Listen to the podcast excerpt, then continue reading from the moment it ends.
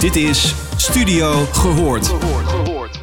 Waarin alles wordt besproken dat in menige organisatie onbespreekbaar is. Uw gastvrouwen zijn Jorine Beks en Orlie Polak. Welkom luisteraar. Het is weer tijd voor een podcast. We zijn ontzettend blij met de gast van vandaag. Maar voordat ik hem introduceer, welkom Orly. Hallo. Hallo. En welkom Leen Papen. Dankjewel. Leen is hoogleraar emeritus corporate governance. Daarnaast is hij toezichthouder bij meerdere organisaties. Bevlogen en betrokken. En een kritisch geluid richting politiek, samenleving en het wereldtoneel. Leen, hoe creëer je nou een lerende organisatie? Ja, dank. Dat is natuurlijk een mooi onderwerp. En als je die vraag stelt, Jorien, dan kom ik altijd even met wat is nodig om mensen te laten leren? Dat is natuurlijk in de eerste plaats, mensen moeten het leuk vinden om iets te leren. Dus er moet een zeker interesse zijn.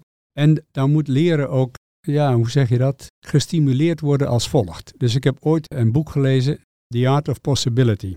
Benjamin Zander, hij was de dirigent van de Boston Philharmonic Orchestra. En ik heb niet alleen zijn boek gelezen, ik heb ook een keer hem werkelijk aan het woord gehoord en gezien. En dat was wel een unieke ervaring. En zijn les ging als volgt. Oké, dames en heren, aan het begin van een collegejaar, dan vraag ik aan mijn studenten, schrijf mij een brief. En in die brief ga je opschrijven wat jij in het komende jaar gaat doen om te zorgen dat je aan het eind van het jaar van mij een A krijgt als oordeel, als waardering. En een A in het Amerikaanse systeem is een 10. En wat er dan gebeurt, is dat mensen zich natuurlijk zelf een contract opstellen, hè, een contract met zichzelf. En dan gaan ze ook aan de slag. En dan voelen ze zich ook gecommitteerd om te leren en die dingen te doen die ze zichzelf hebben opgelegd. En dan kan ik ook aan het eind van het jaar die A kan ik geven. En dan is natuurlijk niet iedereen een Mozart of een Beethoven of een Cruyff of uh, wat je dan ook maar als uh, ongelooflijke talenten kan benoemen. Maar iedereen doet zijn best op zijn niveau. Dus in het voetbalteam wat ik begeleide van mijn zoontje was iedereen even waardevol en iedereen deed ertoe. Iedereen speelde zijn rol naar eer en geweten en naar kunnen en vermogen. En dan toch probeer je natuurlijk nog wel te zorgen dat ze wat dingen leren, maar vooral vanuit een positieve benadering. Noem het de positieve psychologie, die natuurlijk ook zeer dienstbaar kan zijn voor mensen om ook weer gezien, erkend en gewaardeerd te worden en ook niet te worden afgestraft. Hè? Dus Gisteren stond er in de krant nog een docent die zei: Ik deel geen cijfers meer uit in het onderwijs, want dat is een verkeerde manier van mensen stimuleren.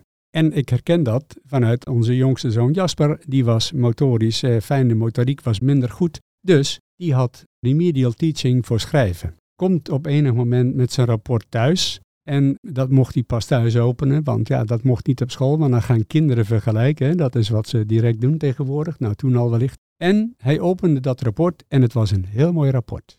Maar voor schrijven stond er een M van matig. Het jongetje heeft twintig minuten gejankt omdat er een ene M op dat rapport stond voor schrijven. Dus ik naar die juf op de ouderavond en ik zeg, waarom geef jij een M voor schrijven aan Jasper? Nou zegt ze, dat is toch ook de waarheid? En toen zei ik, wie is geïnteresseerd in de waarheid? U weet dat dit jongetje zijn best doet, hij krijgt een remedial teaching en u had moeten zeggen, Jasper, het is een voldoende en geweldig hoe jij je best doet om te leren schrijven en dat te verbeteren. Dat is wat u had moeten doen. En u heeft hem nu, als het ware, een rotschop verkocht. En dus is hij ook niet meer zo gemotiveerd om die remedial teaching te doen. Dus jongens, dit zijn natuurlijk lessen die we allemaal al lang hebben geleerd in ons leven, die in de boeken staan en die we kennelijk keer op keer vergeten. Dus dat is mijn lange antwoord, Jorien, op jouw vraag. Hoe creëer je een lerende cultuur een lerende organisatie waar mensen bereid zijn ook ja, inderdaad hun best te doen om ook van fouten te leren en ook al zijn ze geen kruif, toch een betere voetballer te worden. Mooi verhaal en herkenbaar. Wat je vertelt ook over je zoontje. Als je gaat kijken naar een organisatie, lerende organisatie, het kunnen leren van elkaar. Nou, soms zit ook wel kennis juist vast in het hoofd, hè? knowledge of wat hoe je het maar zou willen noemen. Maar wat ik ook wel meemaak, is dat mensen onbewust bekwaam zijn. En als je onbewust bekwaam bent, dan kun je het ook niet verder brengen. Dan moet je eigenlijk weer terug naar bewust bekwaam. Hoe zie jij dat? Ja, goed punt trouwens. Ik zou zeggen, ja, daar zou ik ook best even over na kunnen en moeten denken. Maar ja, weet je, ook Johan Cruijff, de naam noemde ik net, of Frenkie de Jong, die kunnen ondanks een ongelooflijk talent natuurlijk nog steeds leren. En ook de beste muzikanten, de beste dirigenten, die oefenen elke dag. Dus het komt je nimmer aanwaaien. Je kunt een bak aan talent hebben, onbewust ongelooflijk bekwaam zijn. Maar goed, dan heb je af en toe ook een omgeving nodig, een trainer, een coach, een leraar. Die zegt, ja joh, je bent onvoorstelbaar getalenteerd en je zit op een ongelooflijk hoog niveau, maar er zijn nog steeds een paar dingen die net nog wat beter, wat scherper kunnen. Dus je hebt denk ik allemaal nou ja, een spiegel of een leraar of een coach nodig om zelfs bij dat onbewust bekwame toch af en toe te beseffen dat je nog steeds dingen kunt leren. Wat ik ook denk is, wil je een goede trainer zijn, hè? dus leren, het wegleren, dan is het de kunst voor iemand die onbewust bekwaam is, te gaan begrijpen, te beseffen waarom werkt dit naar bewust bekwaam, want anders word je nooit een goede trainer, want dan kun je het niet verder brengen en niet vertalen. Dus als je dan kijkt naar zo'n lerende organisatie, dan heb je inderdaad aan de ene kant nodig dat mensen openstaan. Hè? Orly heeft al heel vaak verteld, ook in de podcast, hè, over een groeimindset. En aan de andere kant het vermogen om te vertalen wat nou maakt dat iets succesvol is. Of bijvoorbeeld ook bepaald gedrag, dat dat het gewenste effect heeft. Zie je dat hetzelfde? Zie je dat anders? Nou nee, ik denk dat, weet je, de Nederlandse bank, als die een commissaris toetst voor de vraag, is hij of zij bekwaam voor de taak? Dan zeggen ze, wij letten ongelooflijk op wat zij noemen reflectief vermogen. En ik denk dat reflectief vermogen ook ja, vertaald zou kunnen worden in lerend vermogen. Dus kun je reflecteren op wat je doet en wat dat tot gevolg heeft en in hoeverre dat effectief is, ja of nee. En laat ik mezelf weer even als voorbeeld nemen. Ik heb best wel reflectief vermogen en tegelijkertijd weet ik ook heel goed dat dat beperkt is. Dus ik heb een dierbare echtgenote, Annette, die mij met een zekere frequentie de spiegel voorhoudt en ook die vraag stelt, waarom deed je dat nou zo? En dan denk ik toch elke keer weer, oh ja, verhip, dat is waar ook. Dus nee, vergt continu onderhoud en dat reflectief vermogen, ook dat komt je niet aanwaaien. Uh, dus ook daar moet je toch bij voortduring op zoek naar impulsen vanuit je omgeving. En ja, weet je, het is ook gewoon boeken lezen, met andere mensen in gesprek, een opleiding volgen, whatever it may be. Dus waar ik dan toezicht hou, weet ik één ding zeker. Ik weet lang niet alles. Ik weet heel veel, heel veel niet. Heel veel niet. Dus ik moet vooral mijn luisterend oren gebruiken om hopelijk die dingen te leren die van belang zijn om mijn functie ook goed te kunnen uitoefenen. Dat moet je je ook wel bij voortdurend voor de geest houden en daar heb je anderen wel voor nodig, dat denk ik echt. Mooi bruggetje. Want ik heb wel eens iemand horen vertellen dat het eigenlijk allemaal draait om zelfvertrouwen. En dat remedial teaching of ouders geven het kind zoveel zelfvertrouwen dat het durft te falen. En er zijn wel eens mensen die dat proberen te vergelijken met leiders. En die zeggen wat leiders vooral moeten zijn is secure-based. Die zie Jorine knikken. En dat het eigenlijk daarom draait. Is dat je ook vertrouwen moet hebben dat als je faalt, dat dat niet iets zegt over jouw persoon, maar alleen over de effort die dan niet gelukt is.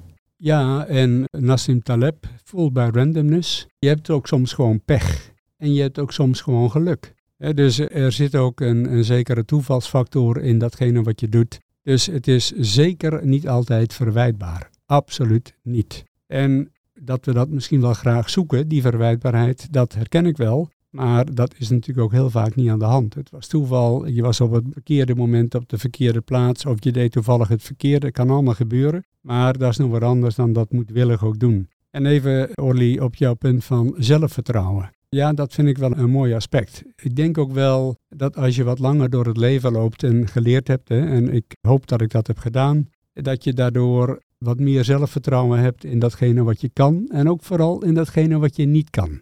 Dus ik weet ook best goed wat ik niet kan en wat ik ook vooral moet proberen te vermijden, want dan maak ik ongelukken. En dan hoop ik dat ik op jou kan vertrouwen, Orly, want jij weet het wel. Snap je? Dus het team is belangrijker dan het individu. Samen moet je het doen. En dan moet je natuurlijk ook zeker niet alleen zelfvertrouwen hebben in wat je kan, maar ook weten wat je niet kan. En niet vooral gaan denken, nou laat ik dat toch maar eens doen. En dat je daar ook vast in kan trainen en ook fouten kan maken, prima. Maar ken je beperkingen is ook een vorm van zelfvertrouwen. Kun je dat leren? Kan je als leider iemand helpen dat vertrouwen te krijgen dat hij mag falen? Het vertrouwen te krijgen dat hij gewoon mag toegeven, joh, ik ben hier niet zo goed in. Maar ook dat hij gewoon echt dingen mag proberen en domme dingen mag doen en mag experimenteren, zonder dat daar ook een negatieve sociale consequentie aan zit. En mensen gek kijken van wat doe jij nou? Nou, dat hoop ik wel. Dus ook dit is weer leiderschap. Dus op het moment dat mensen aan jouw gezag zijn toevertrouwd, hè, als leider is dat het geval. Dan moet je natuurlijk ook vooral vertrouwen geven en ook hen helpen en stimuleren, steun geven voor het leren van die lessen. En ja, dat is dan niet een klap voor de hartjes geven op het moment dat het misging, wat natuurlijk wel vaak gebeurt, maar ook ze juist op dat moment opvangen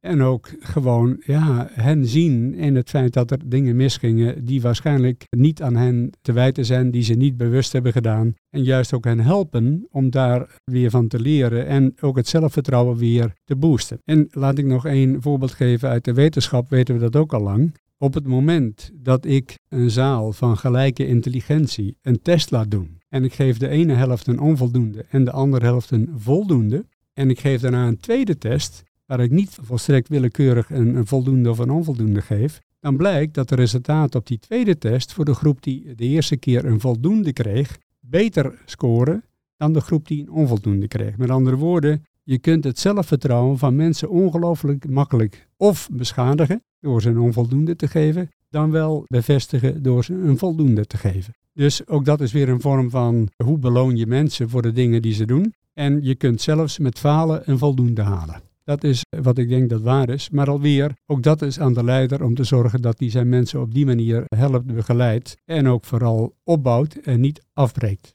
Ja, en dan zit een organisatie natuurlijk niet in een steady state. Het is niet altijd rustig, hè? De ruimte om te mogen falen, om dat te kunnen ten opzichte van concurrentie. En dan zo'n groeimindset, dat vergt wel iets. En dan zie je dat de wereld snel verandert, complex. Ik heb het zelf ook wel vaker toegelicht. Ja, en dan krijg je toch wel, hoe creëer je dan toch nog zo'n groeimindset? Want wat ik veel tegenkom, is dat er toch een reflex is naar fixed. Vanuit het idee, oké, er verandert zoveel, we moeten zo snel. Ik weet in één ding, dit weet ik, zo werkt het. Laat ik me daaraan vasthouden, want dat geeft het gevoel van controle en het gevoel van veiligheid. Dus als je dat een stukje verder stretcht, wat je net zegt, en het is zo onvoorspelbaar, heb je dan nog tips? Dat klinkt natuurlijk helemaal plat, maar toch. nou ja, weet je, ehm, we willen grip krijgen als mensen op de situatie. En die willen we graag houden. We willen dat het allemaal goed gaat. En vanuit dat idee, idee fix, utopie, om dat woord utopie nog maar een keer aan te halen, ja, creëren we voor onszelf in ieder geval niet die groeimindset.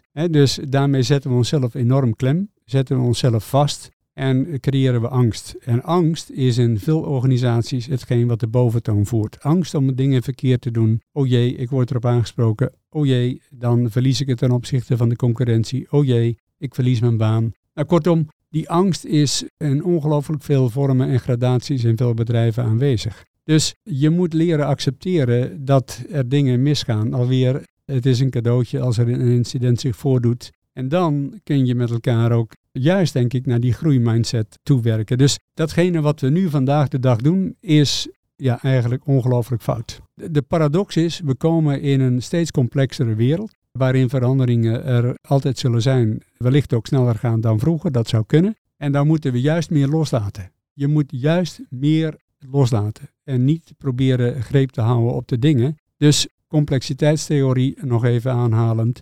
We hebben vanuit die theorie geleerd dat er emergent gedrag is. En dat emergente gedrag, dat ontstaat in een vlucht vogels die alle kanten op vliegen, op grond van een paar regels. Maar daar hoef je niet een leider aan te stellen die zegt we gaan naar links of naar rechts. Dat doen die vogels volkomen autonoom. In het verkeer gaat dat ook zo.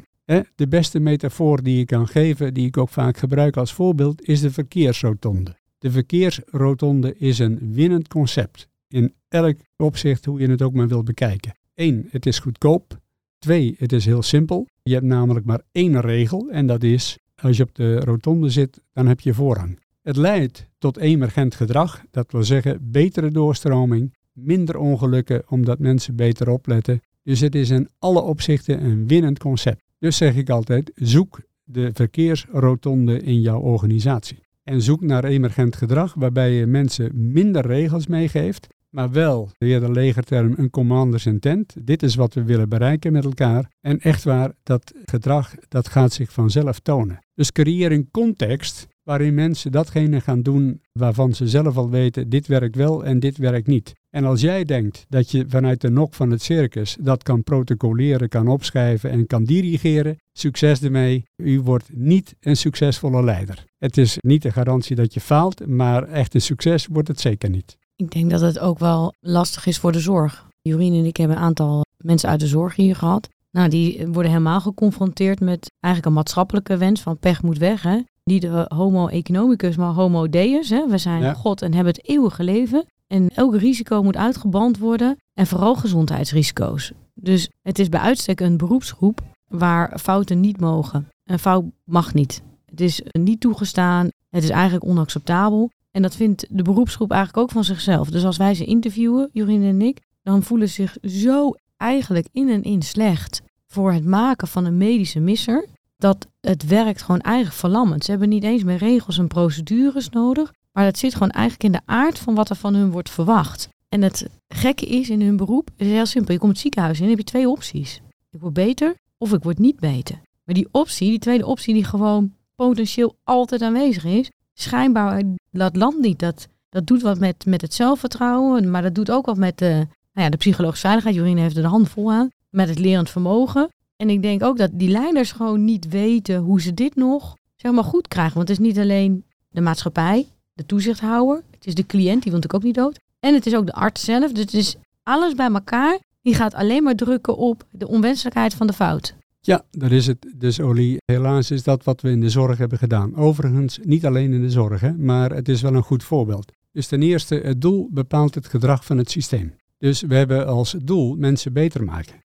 Dus de gezondheidszorg zou als doel moeten kennen mensen beter houden. Dus hou ze gezond. Maar goed, dat gezegd hebbende, we hebben dus een enorme kramp met elkaar gecreëerd vanuit een wens om de kosten te beheersen, want dat is het, om efficiënter te worden, hè, de schaalgrootte te realiseren. En alweer vanuit de complexiteitstheorie kan ik je één ding vertellen. Als efficiëntie jouw streven is, dan gaat er een moment komen waarin het systeem echt in elkaar dondert. Niet een klein beetje, nee, het dondert echt in elkaar. En dat is wat we nu zien gebeuren in de supply chain wereldwijd.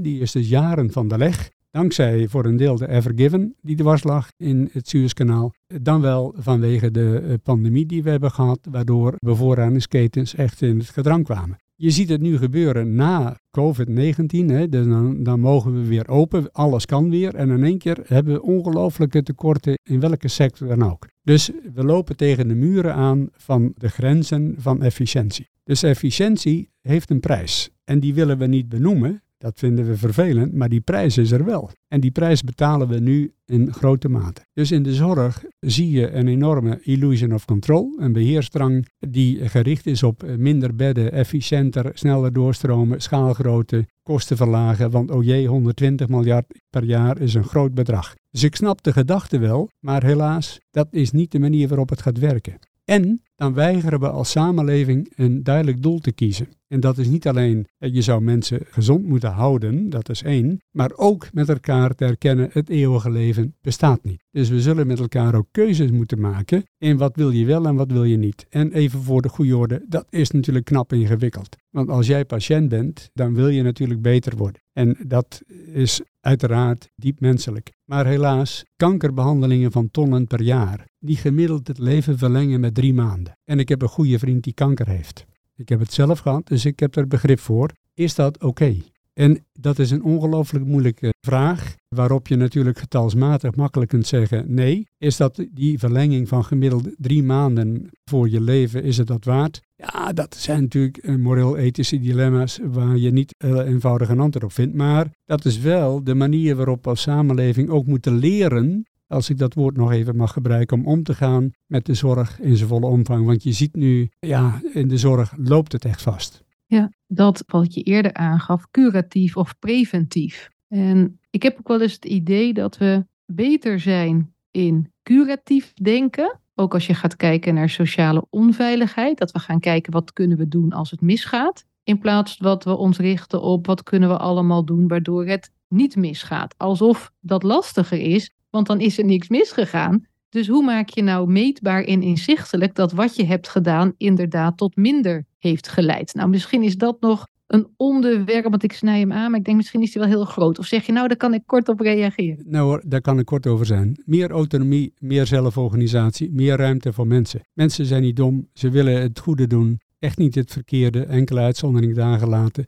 Dus geef meer autonomie en ruimte aan mensen. En die regeldrift, die moet je vooral onderdrukken, want dat leidt alleen maar tot meer kosten, minder efficiëntie en nog een paar van die dingen. Ik hoor een hele mooie oproep in je verhaal. Ga naar minder regels, zoek de rotondes en wees ook een beetje aardig voor elkaar. Met een stukje realiteitszin. Dankjewel. Ja, en bescheiden vooral ook. Jorien, dankjewel. Ja, ja bescheiden ook heerlijk. dankjewel, Lin. Dankjewel.